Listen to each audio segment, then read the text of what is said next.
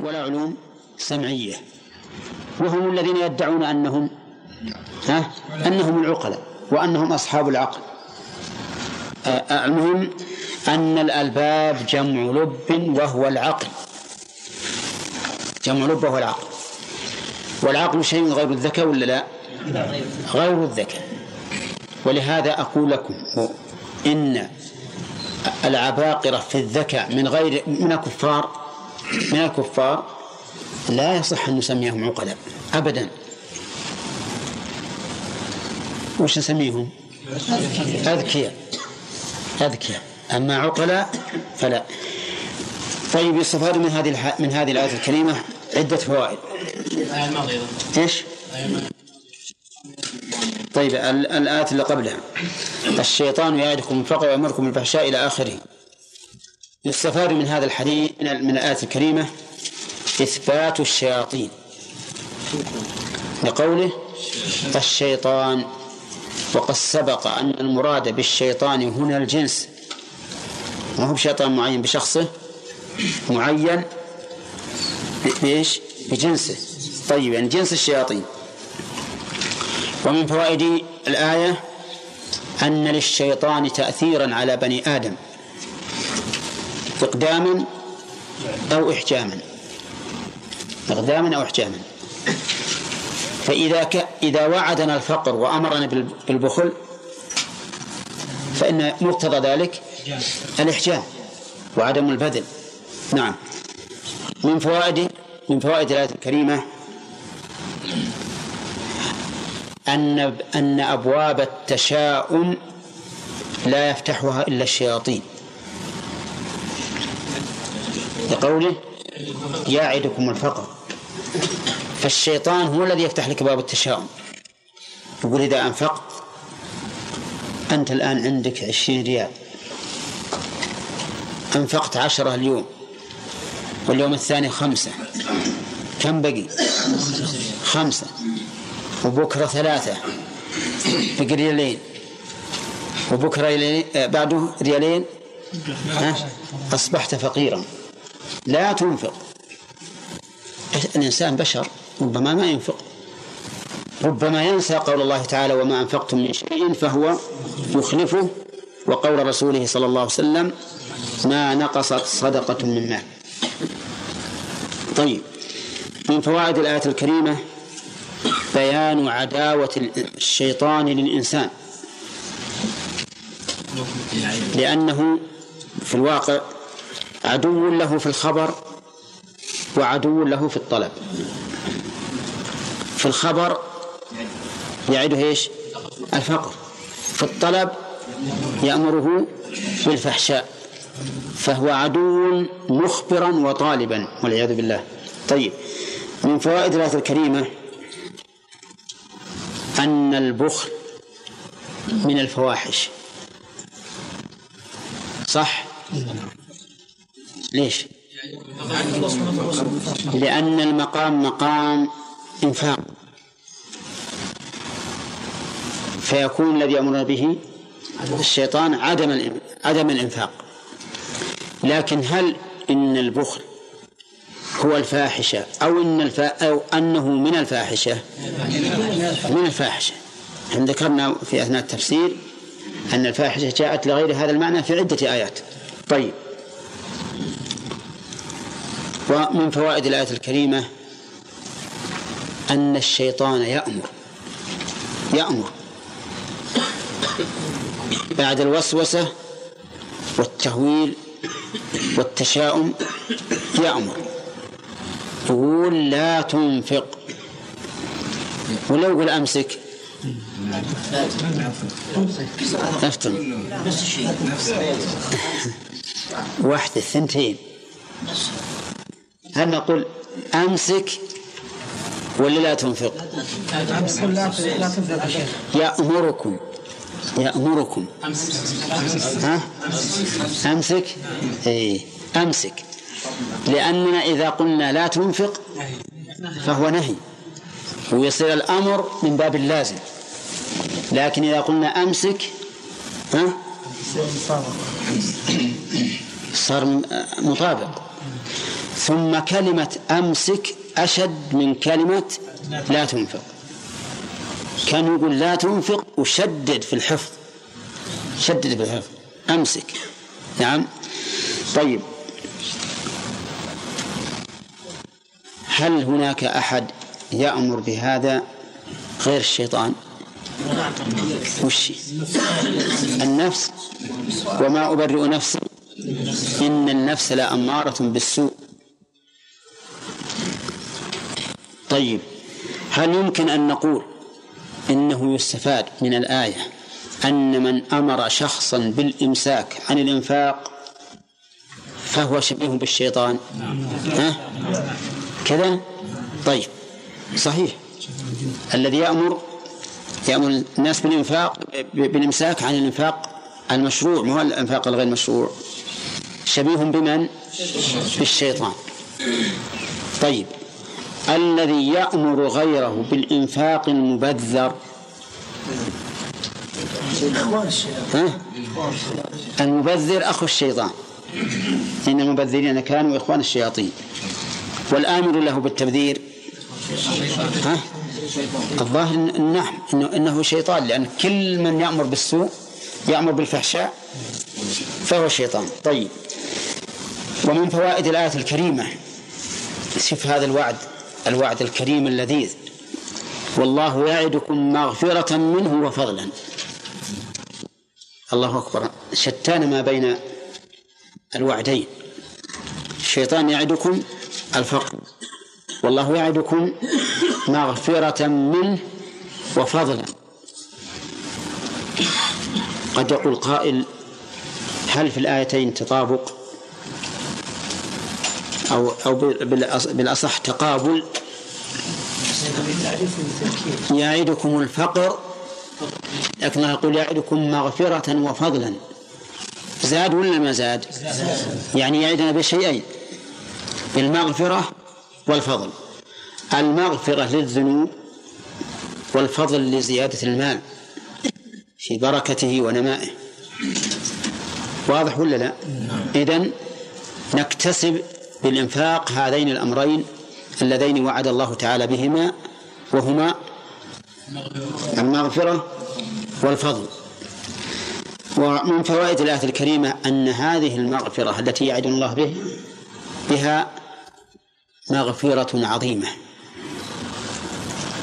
مغفرة عظيمة وغير؟ منه منه منه ليش؟ لأن عظم العطاء من عظم المعطي. ولهذا جاء في الحديث الذي وصى به النبي صلى الله عليه وسلم أبا بكر قال فاغفر لي مغفرة من عندك وارحمني. ومعلوم أن العطية بحسب المعطي. مغفرة منه وفضلا. طيب ومن فوائد الآية الكريمة أن التفاؤل من الله.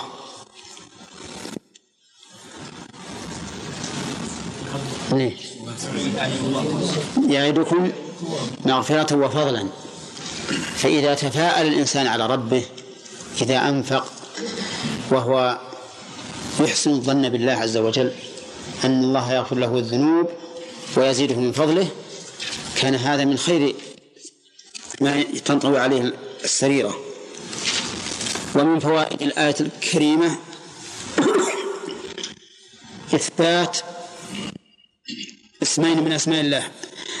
هما واسع وعليم.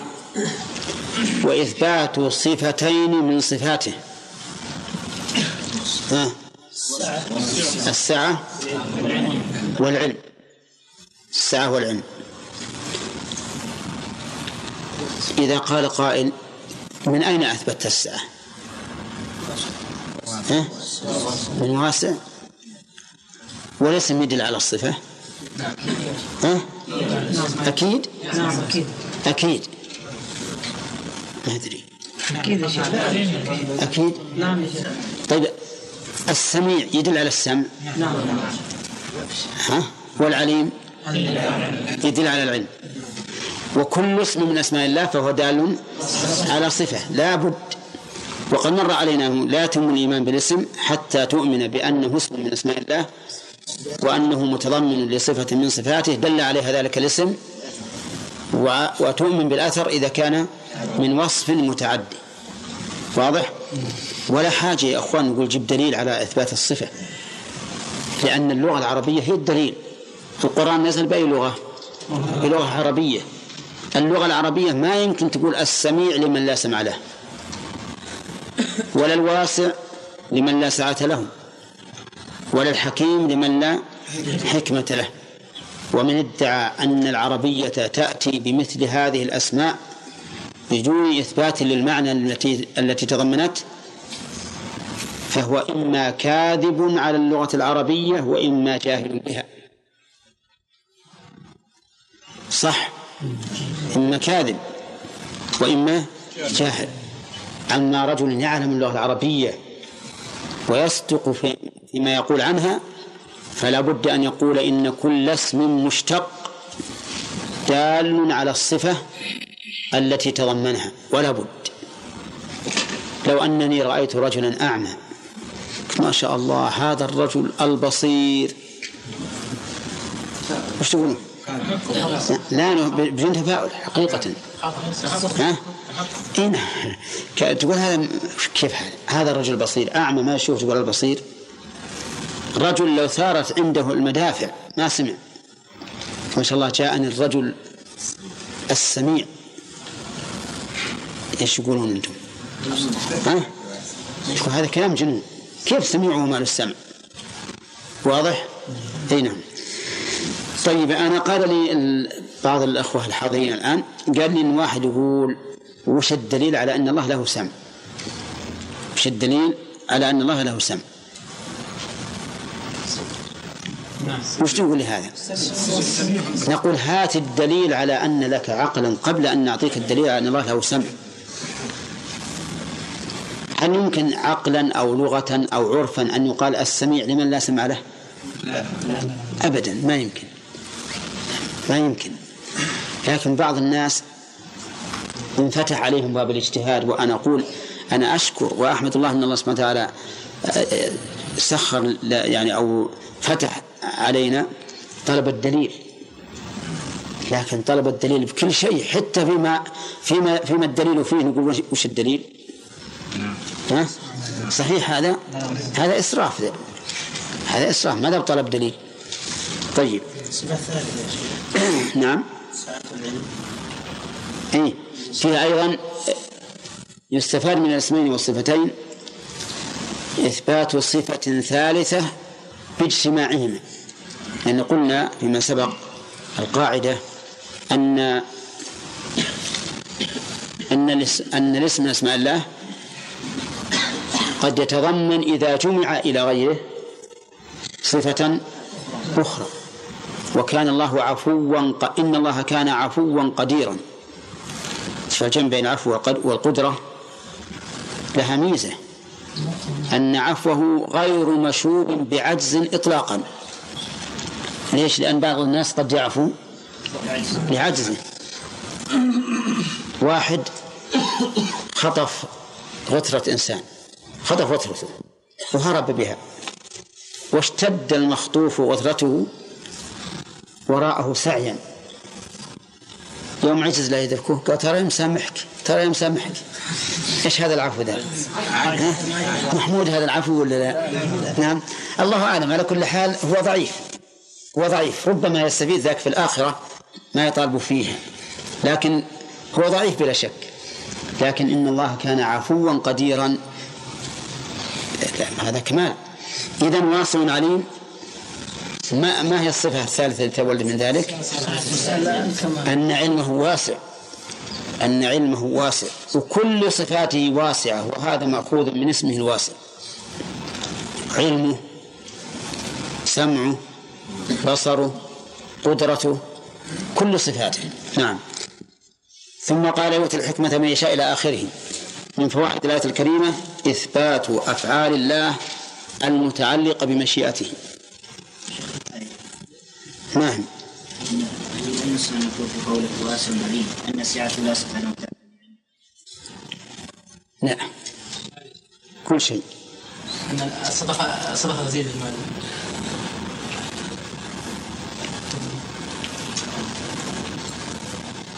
شو الصدقة تزيد في المال يؤخذ من قوله فضلا. إيه طيب. طيب يؤخذ من الآية الثانية إثبات أفعال الله عز وجل التي تتعلق بمشيئته. بقوله يؤتي الحكمة. وهذه من الصفات إيش؟ الفعلية. من الصفات الفعلية. ومن فوائدها أن ما بالإنسان من العلم. أن ما في الإنسان من العلم والرشد فهو فضل من الله عز وجل كقوله يؤتي الحكمة من يشاء. فأنت إذا من الله عليك بعلم ورشد وقوة وقدرة وسمع وبصر لا تترفع. هي من الله عز وجل ولو شاء الله لسلبها عنك بعد أن أعطاك إياها. قد يسلب الله سبحانه وتعالى العلم من الإنسان بعد أن أعطاه إياه. نعوذ بالله من ذلك. وربما يسلب منه الحكمة. يكون كل تصرفاته طيش وضلال وهدر. ومن فوائد الآية الكريمة إثبات المشيئة. وليد من ناخذه؟ من يشاء. من يشاء. طيب. وهل نقول فيها إثبات الحكمة لله. ها؟ نعم فيها إثبات الحكمة لله عز وجل. لأن الحكمة كمال ومعطي الكمال أولى به. معطي الكمال أولى به عز وجل. فنأخذ من الآية إثبات الحكمة لله بهذا الطريق. نعم. ومن فوائد الآية الكريمة الفخر. العظيم لمن آتاه الله الحكمة. وقوله ومن يؤت الحكمة فقد أوتي خيرا كثيرا. ومن فوائدها وجوب الشكر على من آتاه الله تعالى الحكمة لأن هذا الخير الكثير يستوجب إيش؟ الشكر. طيب ومن فوائده فوائدها أيضا أن الحكمة قد تكون معلومة الطرق. يعني قد تتعدد طرق الحكمة. لقوله ومن يؤتى الحكمة ومن يؤتى الحكمة. وهذا أمر مشاهد. فالإنسان يكتسب الحكمة بمقتضى غريزته ويكتسبها بالتجارب والممارسات. ولا لا؟ ولهذا أحيانا تصاحب رجلا ذو أخلاق ذا أخلاق فاضلة فتكتسب من أخلاقه دون أن يعلمك. أحيانا تكتسب الأخلاق من جاهل وأنت أعلم منه. صحيح؟ نعم هذا صحيح واقع. لأن الأخلاق غير العلم. طيب. ومن فوائد الآية الكريمة فضيلة العقل. لقوله وما يذكر إلا أولو الألباب لأن التذكر بلا شك يحمد عليه الإنسان فإذا كان لا يقع إلا من صاحب العقل دل ذلك على فضيلة العقل. ومن فوائدها أيضا أن عدم التذكر سفه. أولى نعم الذي لا يتذكر ولا يعتبر بما مضى وما حضر هذا في الحقيقة ليس بعاقل. أولى ليس بعاقل. بل نقول إنه ميت. كما قال المتنبي من يهن يسهل الهوان عليه. ها؟ ما لجرح بميت إيلام. وهذا صحيح. فالإنسان الذي لا يعتبر ولا يتذكر هذا في الحقيقة ميت. لا يستفيد شيئا. طيب. من فوائد الآية الكريمة أن الإنسان بلا عقل قشور. نعم. ناخذه؟ من قوله إلا أولى الباب حيث سمى العقل لبا. وإلى هنا تنتهي الدراسة. تقدم لنا أن الله سبحانه وتعالى بين أنه يؤتي الحكمة من يشاء. فهل هذه المشيئة عليان مشيئة مطلقة مجردة أم ماذا؟ مشيئة مقرونة بالحكمة؟ طيب. هل نطرد هذا الضلال في كل شيء؟ كلما جاءت المشيئة نقول إنها مقرونة بالحكمة؟ نعم. طيب الدليل؟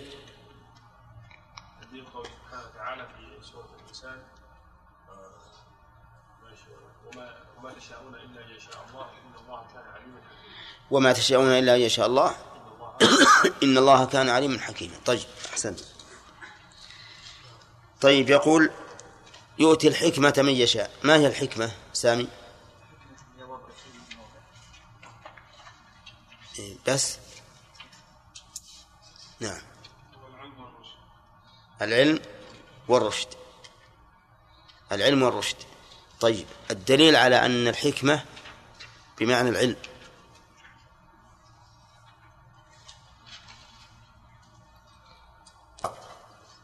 فما هنا شرطية. والدليل على أنها شرطية أنها مركبة من شرط وجواب. ما أنفقتم من نفقة أو نذرتم من نذر فإن الله يعلمه هذا الجواب. فإن الله يعلمه ثانيا يقول ما أنفقتم من نفقة من هذه زائدة. زائدة زائدة. إيش معنى زائدة زائدة؟ أي زائدة إعرابا زائدة معنى. فهي فهي حرف جر زائد من حيث الإعراب. ولهذا نعرب من نفق من نفقة على أنها مفعول به. يعني ما أنفقتم نفقة أو نذرتم نذرا فإن الله يعلمه. ويجوز أن تكون من بيانية لما في قوله ما أنفقتم لأن ما الشرطية مبهمة. والمبهم يحتاج إلى إلى بيان. وقوله فإن الله يعلمه هذه جملة الشرط. جملة جواب الشرط. جملة جواب الشرط. والفاء هنا واقعة في جواب الشرط وجوبا. وجوبا هكذا؟ وجوبا. الشاهد لذلك من كلام ابن مالك قوله واقرن بفاء حتما جوابا لو جعل شرطا لإن أو غيرها لم ينجعل. واقرن بفاء حتما يعني وجوبا جوابا لو جعل شرطا لإن أو غيرها لم ينجعل. وإن هنا لو جعلت شرطا لإن ما ما صحت. ما صحت. فلهذا وجب اقترانها بالفاء. وهي في سبعة مواضع. مجموعة في بيت. نعم. من ينشده لنا؟ آه. اسمية طلبية بجامد وبقد ما ولن وبما؟ بما وقد ولن والتنفيس وبلن وبالتنفيس اسمية طلبية وبجامد وبما وقد وبلن وبالتنفيس. يعني إذا جاءت جملة الشرط أحد هذه ال- ال- الأمور السبعة وجب اقترانها بالفاء. طيب وما للظالمين من أنصار؟ جملة ثبوتية أو سلبية؟ ها؟ سلبية. يعني جملة نفي. والمبتدأ فيها قوله ها؟ من أنصار. ومن فيها زائدة. إعرابا زائدة معنى. يعني تزيد المعنى وإن كان في الإعراب زائدة. ولهذا نعرب أنصار على أنها مبتدأ مؤخر. مرفوع بالابتداء وعلامة رفعه ضمة مقدرة على آخره منع من ظهورها. اشتغال المحل بحركة حرف الجر الزائد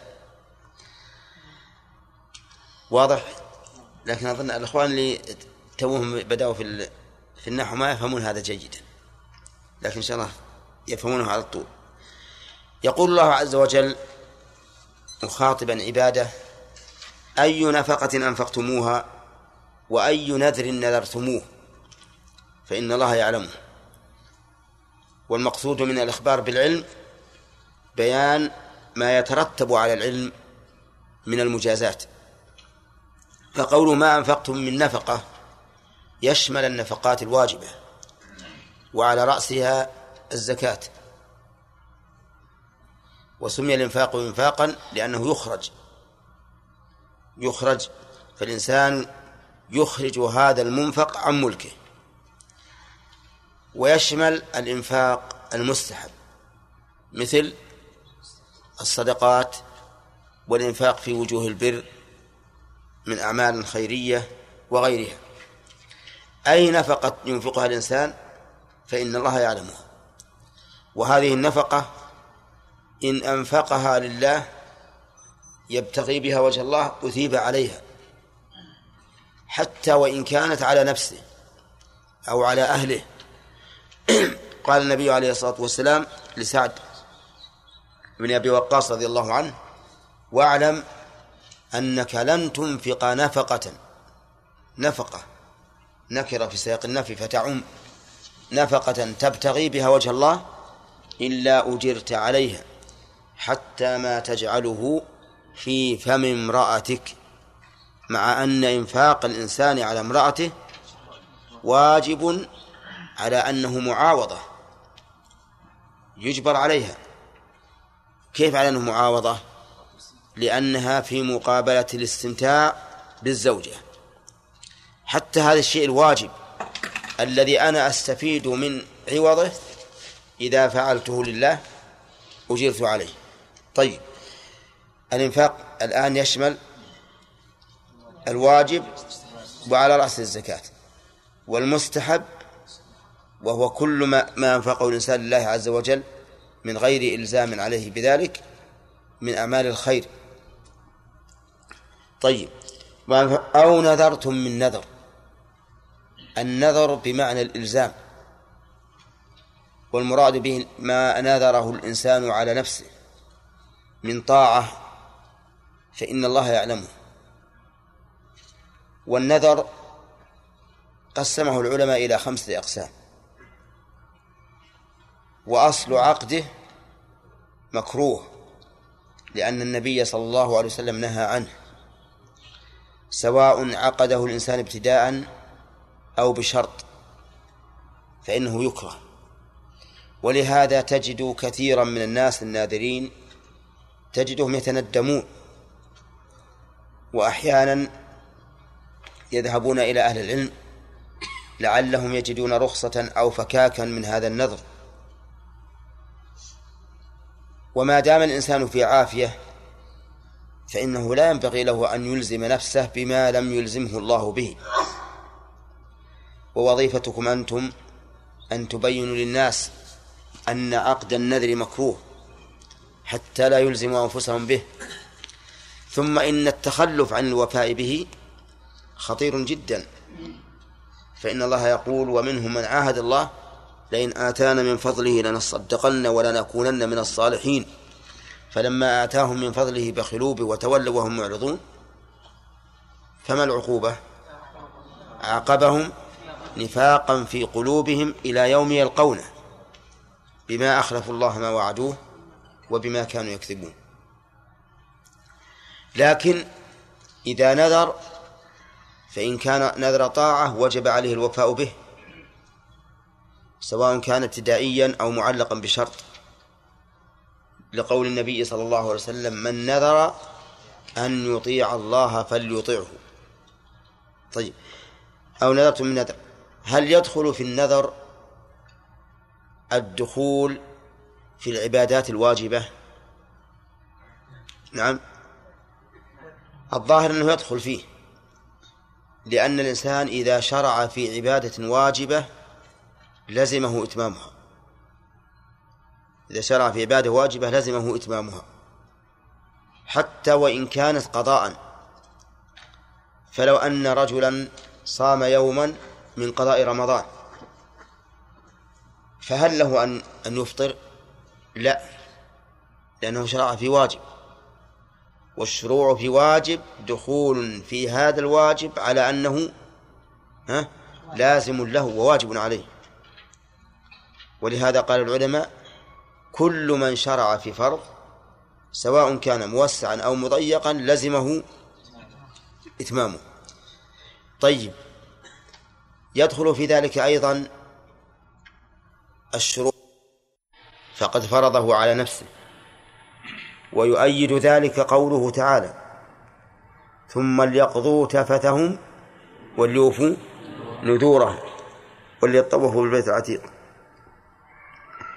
ثم قال فإن الله يعلمه يعلمه أي يعلم ما أنفقتموه أو ما نذرتموه سواء كان ذلك الشيء ظاهرا علنا أو خفيا مستورا. لماذا قلنا سواء كان هكذا أو هكذا؟ لعموم قوله فإن الله يعلمه ولم يقل يعلم الظاهر منه بل يعلم الظاهر والخفي. وجملة وعموم يعلمه يشمل علمه على وجه الإجمال وعلى وجه التفصيل. والفائدة من ذكر علم الله به الفائدة من ذلك الإشارة إلى ما يترتب على ذلك العلم من من المجازات. وإلا مجرد أن نعلم أن الله يعلمه بدون أن نشعر بما يستلزم ذلك العلم لا فائدة منه. طيب. ثم قال عز وجل وما للظالمين من أنصار. يعني ليس للظالمين أحد ينصرهم لا من قبل الله عز وجل ولا من قبل المخلوق. هذا ظاهر الآية. ولكن قد يورد علينا مورد أن الظالمين قد يجدون ما ينصرهم من من الظلمة أليس كذلك؟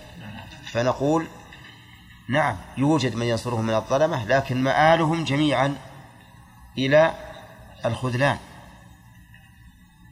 لقول الله تعالى إنه لا يفلح الظالمون. فالظالم لا يفلح أبدا.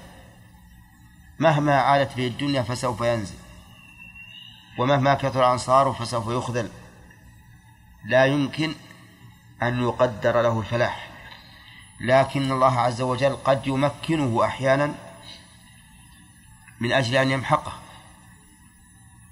كما ذكر الله كما ذكر الله تعالى ذلك في فوائد الهزيمة يوم أحد. الهزيمة يوم أحد. فإن الله ذكر من جملة فوائدها أن يمحق الكافرين. لأن الكافر إذا شعر بالنصر استعلى وزاد طغيانه. إذا زاد طغيانه فقد قرب هلاكه وإتلافه.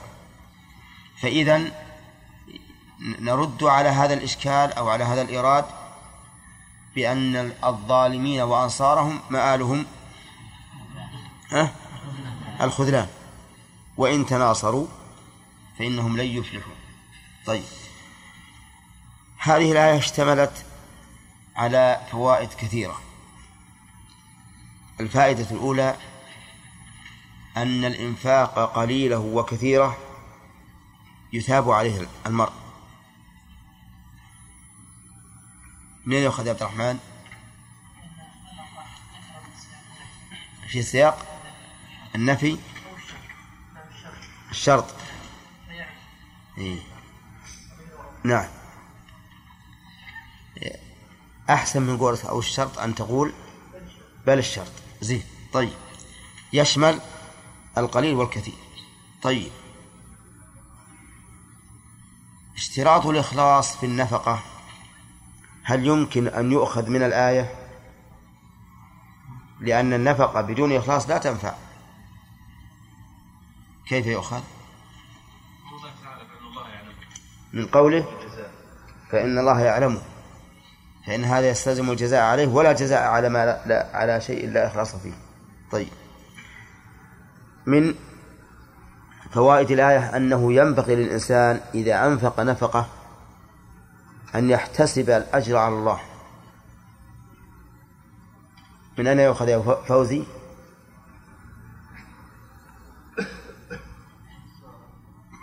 أن الإنسان إذا أنفق نفقة فينبغي له أن يحتسب الأجر على الله عز وجل. من قوله فإن الله يعلمه. لأنك إذا أنفقت وأنت تشعر أن الله يعلم هذا الإنفاق فسوف تحتسب الأجر على الله. طيب. ومن فوائد الآية الكريمة جواز النذر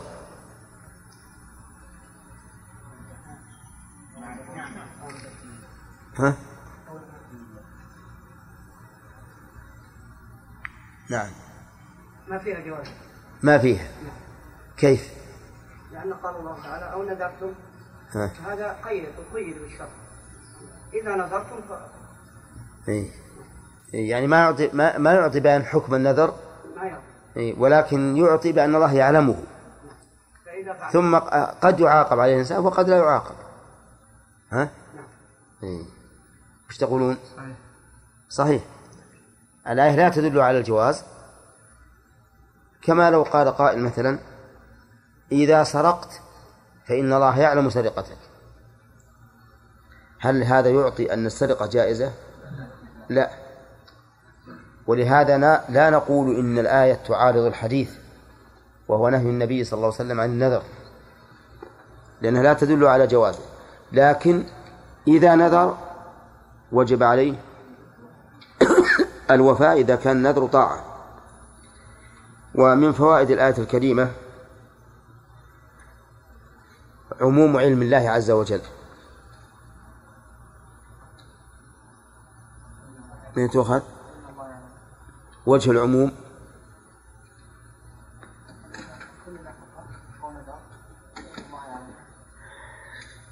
أن ما أنفقتم هذه عامة لأن أدوات الشرط تفيد العموم. طيب. ومن فوائد الآية الرد على غلاة القدرية. طيب. الرد على غلاة القدرية عيسى.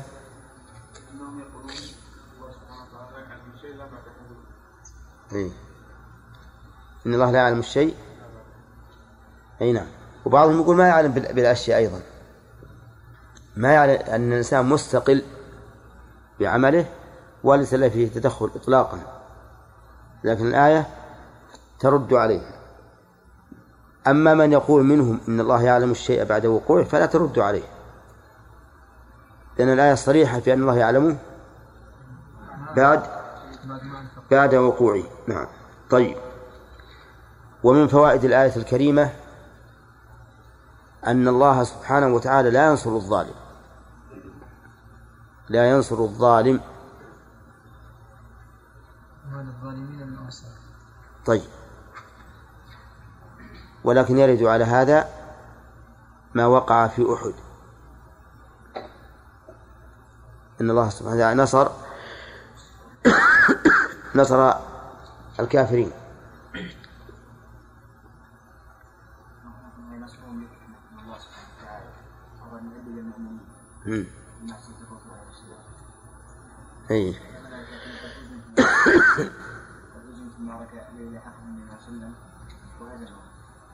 ن- نقول في هذا بأن نصر الله لهؤلاء الكافرين ليس من أجل أن ينتصروا على المسلمين ولكن من أجل عقوبة ما ح... آه نعم. العقوبة لما حصل. حتى إذا فشلتم وتنازعتم في الأمر وعصيتم. من بعد ما أراكم ما تحبون. ثم هذا النصر أيضا هل هو نصر مؤبد؟ لا. لأن الله ذكر أن هذا لإغراء الكافرين على كفرهم وطغيانهم حتى يمحقهم نهائيا.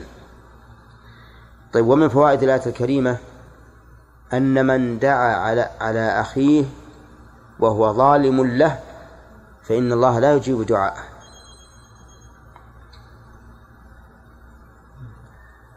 نعم. اي نعم.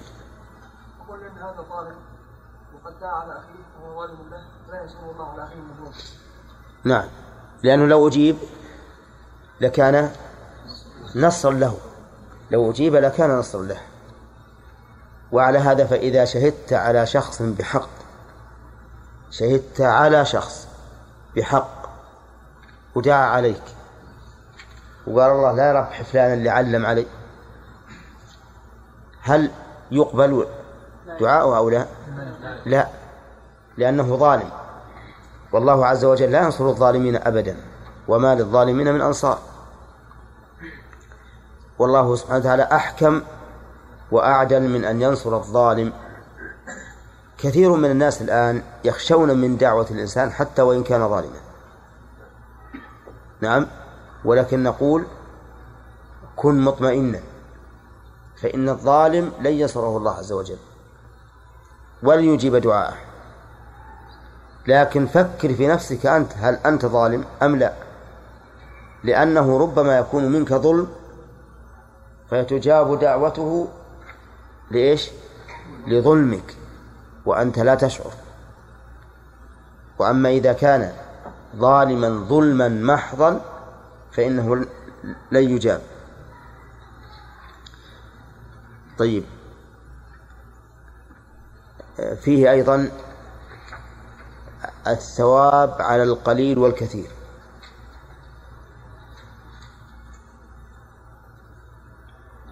أو أخذناها؟ نعم. ها. طيب. هل في القرآن ما يشهد لذلك؟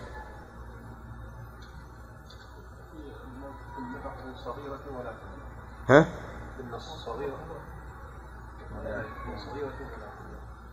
لا ما لهذا الكتاب. ولا ينفقون نفقة ولا كبيرة. طيب. في أيضا غير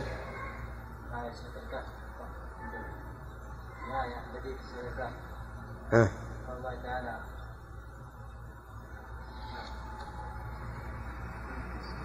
ما ما لهذه الكتاب لا يغادر صغيرة ولا كبيرة إلا نعم.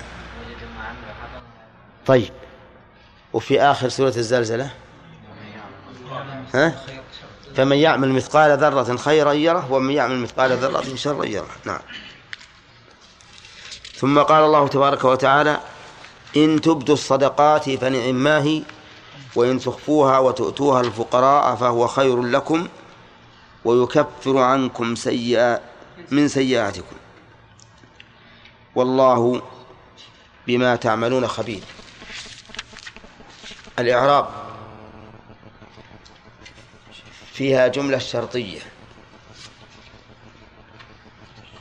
ممكن نوجه سؤال لكم؟ فيها جملة شرطية. إن حر حر لا بس أرني الجملة الشرطية ما أريد إعرابها. إن تؤتوا صدقات؟ إيه. هذه الدليل على أنها شرطية. نعم. إيه. هو شرط فنعم ما هي. طيب تمام. ثانيا فيها فنعم ما هي. لماذا اقترنت نعمة بالفاء؟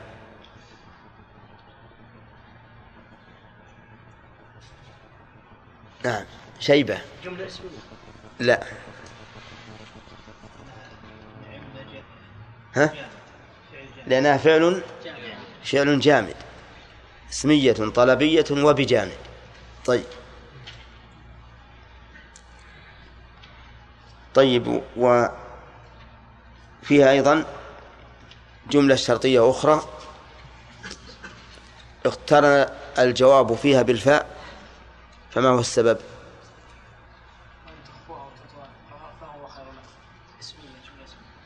فهو خير لكم. اقترنت بالفاء لأنها جملة اسمية. طيب. فيها ويكفر عنكم سيئاتكم. ها؟ من سيئاتكم نعم. ويكفر عنكم من سيئاتكم. فيها إشكال. لماذا صارت بالرفع وهي معطوفة على جملة الشرط على جملة جملة الجواب. فهو خير لكم. ولم يقل ويكفر. نعم.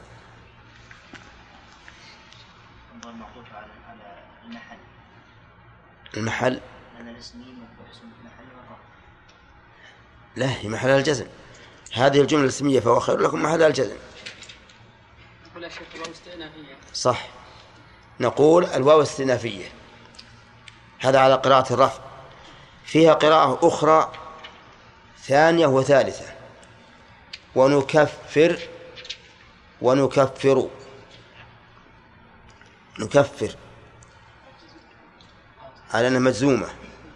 على محل جواب الشرط وهو الجزم.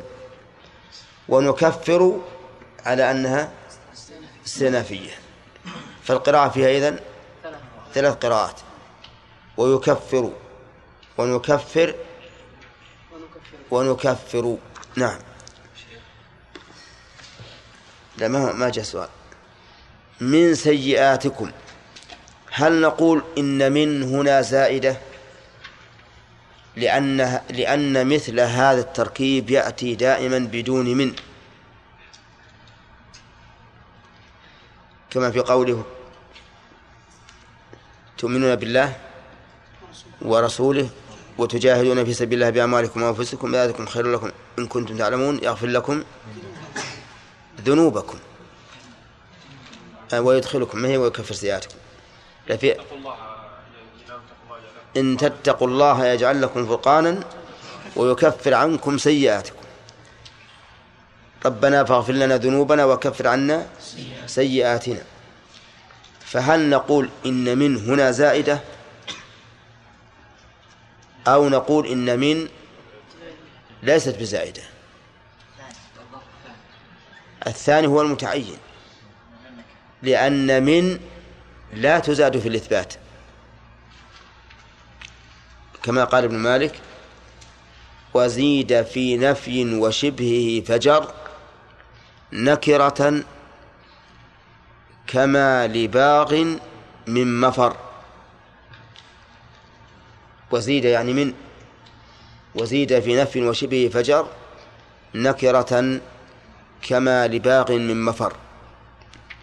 إذن فتكون من للتبعيض ويكفر عنكم بعض سيئاتكم.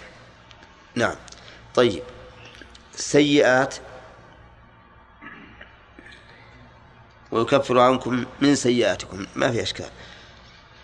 إلى آخر ما فيها أشكال أيضا. بقية الآية ما فيها أشكال من جهة الأعراب. يقول الله عز وجل إن تبدوا الصدقات أي تظهروها. والإظهار ينقسم إلى قسمين. إظهار عام وإظهار خاص. فالإظهار العام بأن يقوم الإنسان في محفل كبير وي- ويتصدق. أو يقول إني تصدقت. والإظهار الخاص أن يتصدق على فقير في مجمع في مجمع صغير أو يخبر بعد ذلك أنه تصدق. لأن لأن الإبداء يشمل إبداءها حين يشمل إبداء الصدقة حين دفعها وإبداء الصدقة حين آه، بعد ذلك بأن يخبر عنها. والصدقات هنا تشمل الزكاة والتطوع. كيف الزكاة والتطوع؟ هل الزكاة صدقة؟ نعم. لأن الله قال في سورة التوبة إنما الصدقات للفقراء والمساكين. وإنما سميت صدقة قالوا لأنها تدل على صدق الإيمان. كيف تدل على صدق الإيمان؟ من أحب ما يكون الإنسان المال. قال الله تعالى وتحبون المال حبا جما. فإذا أظهر الإنسان هذا المحبوب لأمر موعود لا موجود يعني أظهر موجودا لأمر موعود يدل على يدل ذلك على صدق إيمانه؟ ولا لا؟ ما أدري والله. نعم. يدل على صدق الإيمان. إنسان الآن المال بيده والمال حبيب له. والعامة يقولون إن المال جمرة إن المال إيش؟ نعم. عديل الروح. أي طيب. يقول هذا المال اللي هو من أحب الأشياء عنده. يخرجه لأنه وعد أن يثاب عليه. فالذي يخرج الموجود المحبوب لأمر موعود لا شك أنه مؤمن. فلهذا سمي سمي الصدقة. إن تبدو الصدقات فنعم ما هي. هذه جملة إنشائية للثناء عليها. يعني فهي خير ونعمة صدقة. تبدى لأنها نافعة. ولكن هناك حال أفضل منها. وهي قوله وإن تخفوها وتؤتوها الفقراء فهو خير لكم. نعم. وقد يكون في الآخرة. وقد يكون فيهما إلا السيئات. فإنه إذا جوزي عليها في الدنيا لا لا لا يجازى عليها في الآخرة. نعم.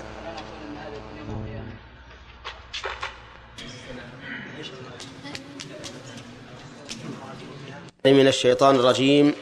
فيه أظن فوائد فيما سبق؟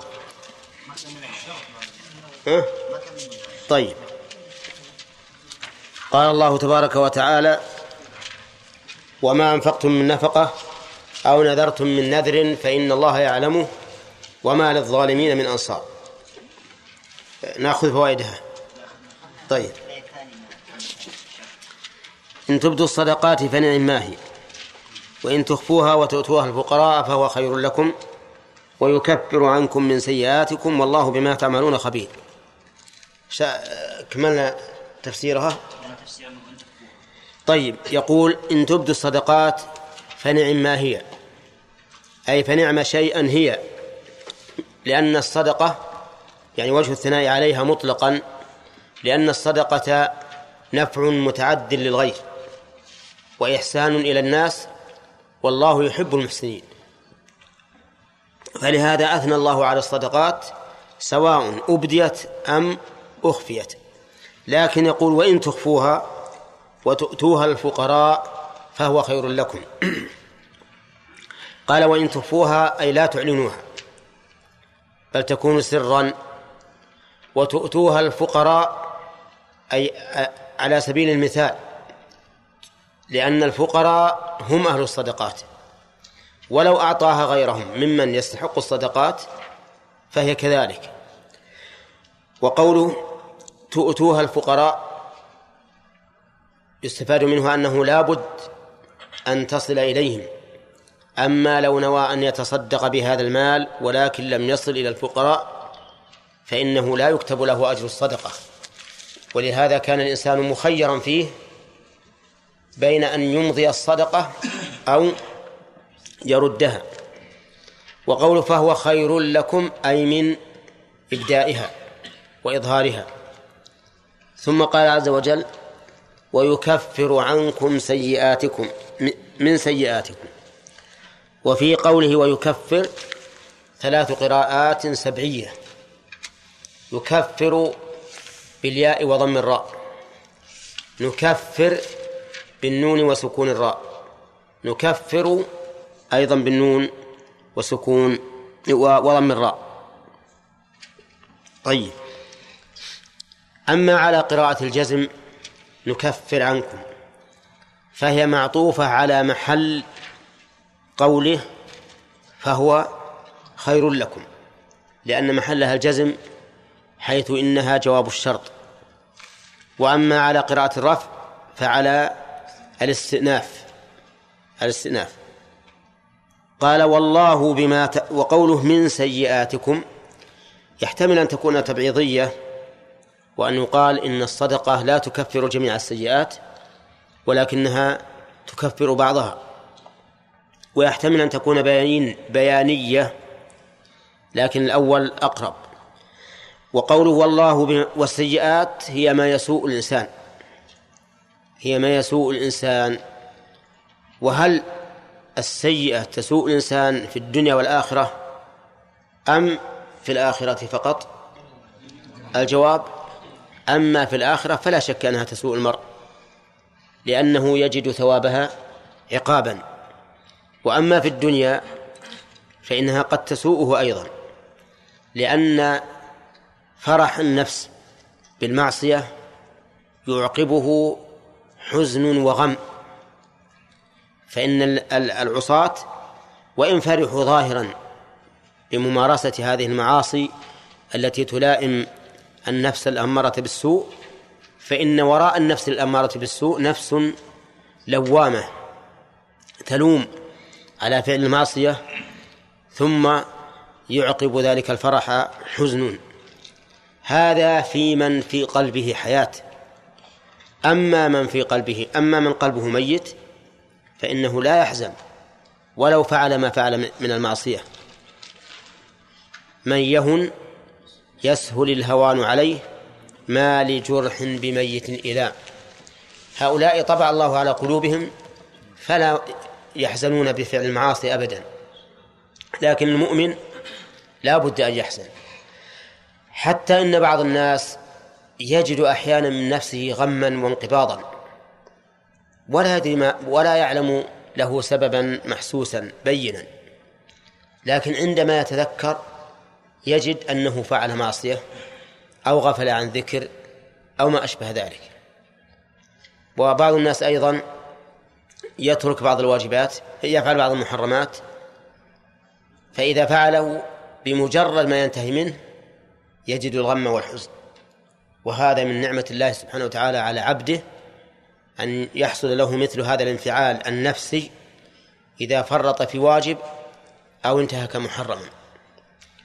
وأظن أنه مر عليكم حين سلم الرسول صلى الله عليه وسلم من ركعتين من إحدى صلاته العشي فقام إلى خشبة معروضة في المسجد فاتكى عليها كأنه غضبان كأنه غضبان لأن نفسه منقبضة حيث لم يتم حيث لم يتم صلاته.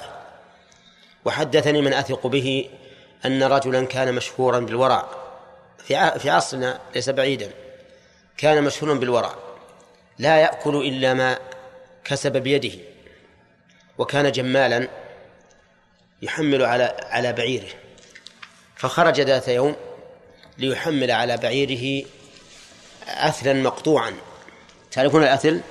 كانوا يقطعونه ويدخلونه بالبيوت ليكون حطبا. فأناخ البعير حول هكا المجموعة من الخشب أناخ البعير وربط حمل الخشب عليه وربطه. فأثار البعير فأبت أن تقوم. كلما أثارها ضربها أبت أن تقوم. وهذا ليس من عادتها. فسكت عنها ثم عاد ثم سكت ثم عاد أبت